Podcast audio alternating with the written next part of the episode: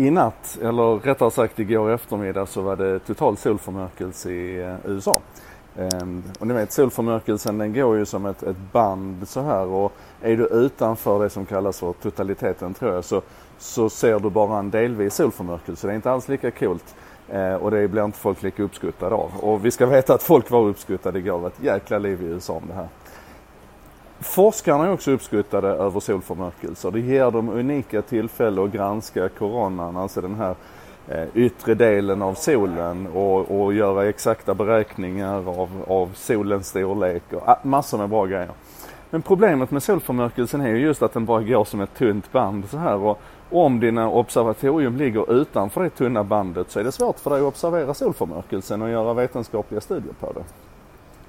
2011 var det en, eh, en forskare på Berkeley som heter Hugh Hudson, om jag minns rätt, som sa att men tänk om vi skulle kunna göra någonting av det faktum att det finns en massa människor med eh, mobiltelefoner och kameror där ute.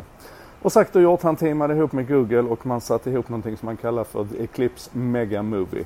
Man har under en period här nu rekryterat frivilliga att eh, ta bilder av eh, solnedgången, eller förlåt, solförmörkelsen och eh, sen låter man då lite AI stitcha ihop det här.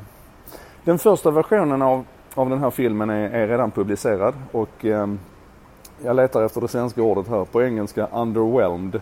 Eh, man är inte, jag är inte speciellt imponerad av det resultatet men man fortsätter att samla in bilder.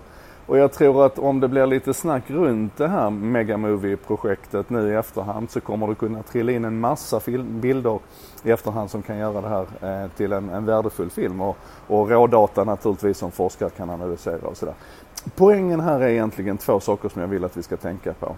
Det ena det är igen den här massiva kraften i när vi går ihop många människor eller många små enheter istället för stora observatorium eller stora maskiner eller ni vet så här, stora processer. Och så lägger alla sin lilla pusselbit till det här och så blir det någonting häftigt av det. Det andra det är att vi ibland faktiskt blir lite så här, och nu letar efter ordet igen, underwhelmed. Alltså vi blir inte speciellt exalterade över resultatet som tekniken ger oss.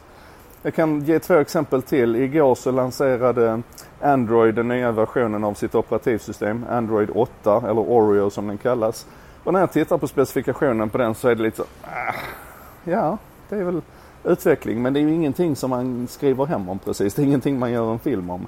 Eh, och, och, på samma sätt så lanserade Intel igår den, den nya generationen av sina processorer. Och visst, de är 40% snabbare än vad de var tidigare men det är fortfarande samma känsla. Det är så ah, nej. Och så får det nog vara.